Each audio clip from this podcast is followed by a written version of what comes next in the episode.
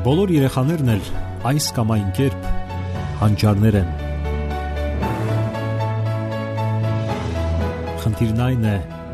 որ այդ հանճարեղությունը այս կամ այն կերպ ի հայտ բերվի։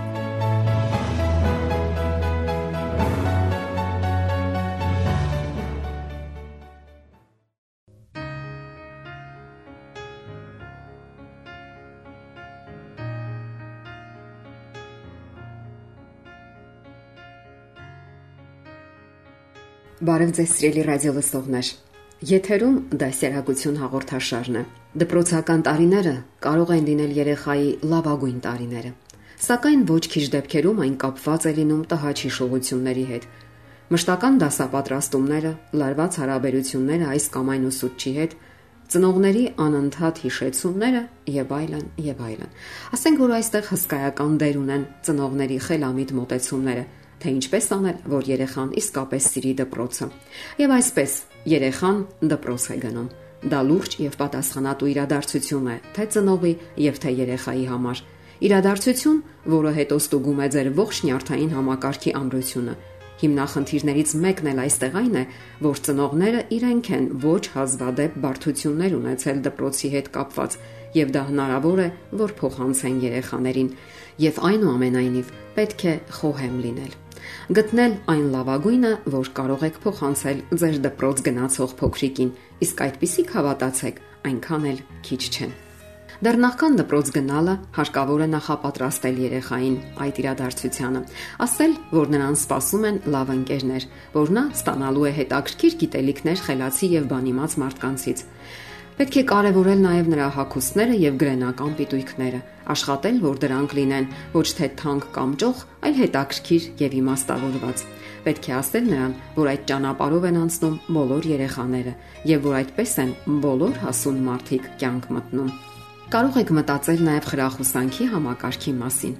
Խոսքը ոչ թե կաշառքի մասին է, այլ ողջևորելու եւ խրախուսելու։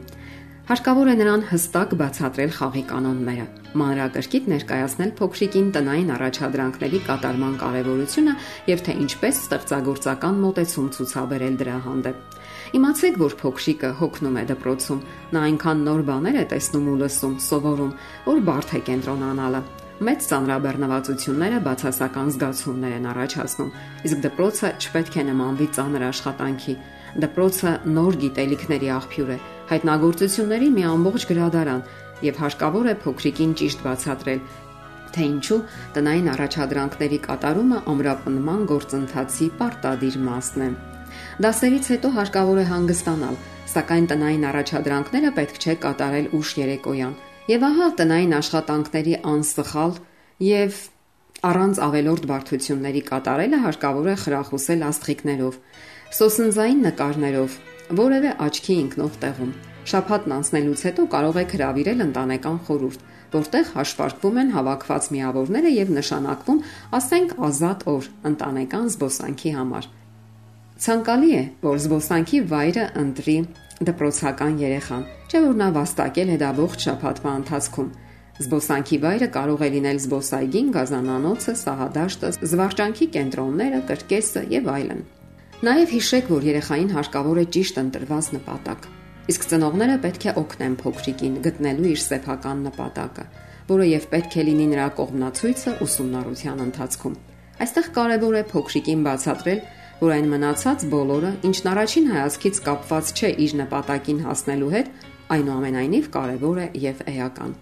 Օրինակ, դուք կարող եք բացատրել երեխային, որ դպրոցում իրեն կսովորեսնեն գեղեցիկ խոսել, գրագետ գրել, բազմապատկել ու բաժանել, լավ գրքեր կարդալ։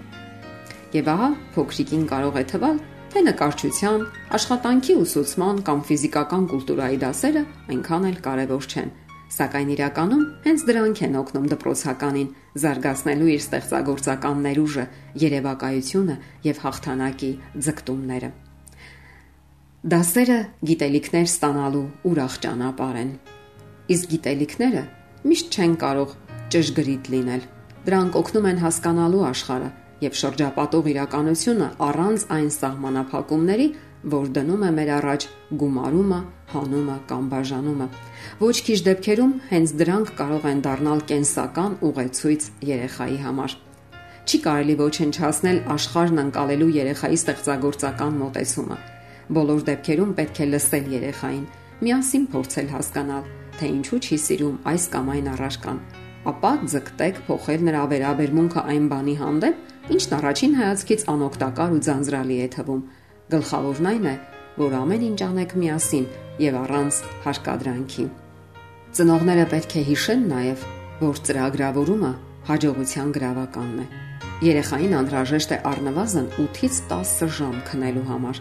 այլապես նա գերհոգնածության մեջ կհայտնվի։ Բացատրեք, որ կան բաներ, որ կարելի է եւ հետաձգել։ Իսկ ահա կան բաներ, որոնք հարկավոր է անել առաջին հերթին։ Եթե երեխան առարկություններ ունի, լսեք նրա տեսակետը, ապա միասին եկեք ընդհանուր որոշման կարևոր է հաշվի առնել ընտանիքի յուրաքանչյուր անդամի կարծիքը։ Նման երկխոսությունները հետագայում շատ կոնֆլիկտների դեպքում կդառնան լուծման հաջող բանալի։ Փոքրիկը պետք է իմանա, որ ինքը կարող է համարցակորեն խոսել, որ իր կարծիքը լսում են եւ հաշվի առնում։ Նա ինքն է որոշում ինչն է իր համար լավ եւ ինչը ոչ։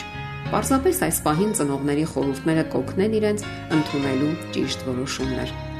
Հարկավոր է հասկանալ, թե ինչով է ցանկանում զբաղվել ձեր փոքրիկը իր ազատ ժամերին։ Կազմել համատեղ գրաֆիկ, որտեղ նշված է իր քնելու ժամանակը, դասերը պատրաստելու ժամանակը եւ այնտեղ պարտադիր է ձեր տեսակետը։ Իսկ հա զբոսանքների ժամերը, ընկերների հետ հանդիպումները, մարզումները, համակարգչային խաղերը պետք է կազմվեն ըստ իր ցանկությունների։ Իհարկե որոշ վերապահումներով Սիրելի ծնողներ, մենք ապրում ենք նոր ժամանակակից կանոններով աշխարհում։ Ընթունեք դա որպես փաստ։ Պարզապես արեք այնպես, որ երբ ձեր երեխան մեծանա, դպրոցական տարիների հիշողությունները միայն երջանիկ հիշողություններ լինեն, որ նրա հասունացման յուրաքանչյուր փուլը հագեցած լինի դրական ու պայծառ պահերով։ Ձեր երեխան պետք է սիրի այն, ինչով զբաղվում է։ Աշխարհում այնքան հրաշալի բաներ կան, Սովորեցրեք ձեր փոքրիկին տեսնել ամենայն պայծառն ու լուսավորը, որը միայն կա իր շրջապատում։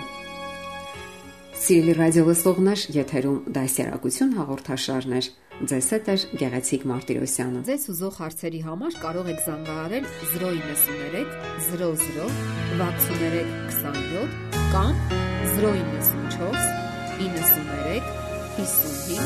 77 հեռախոսահամարներով։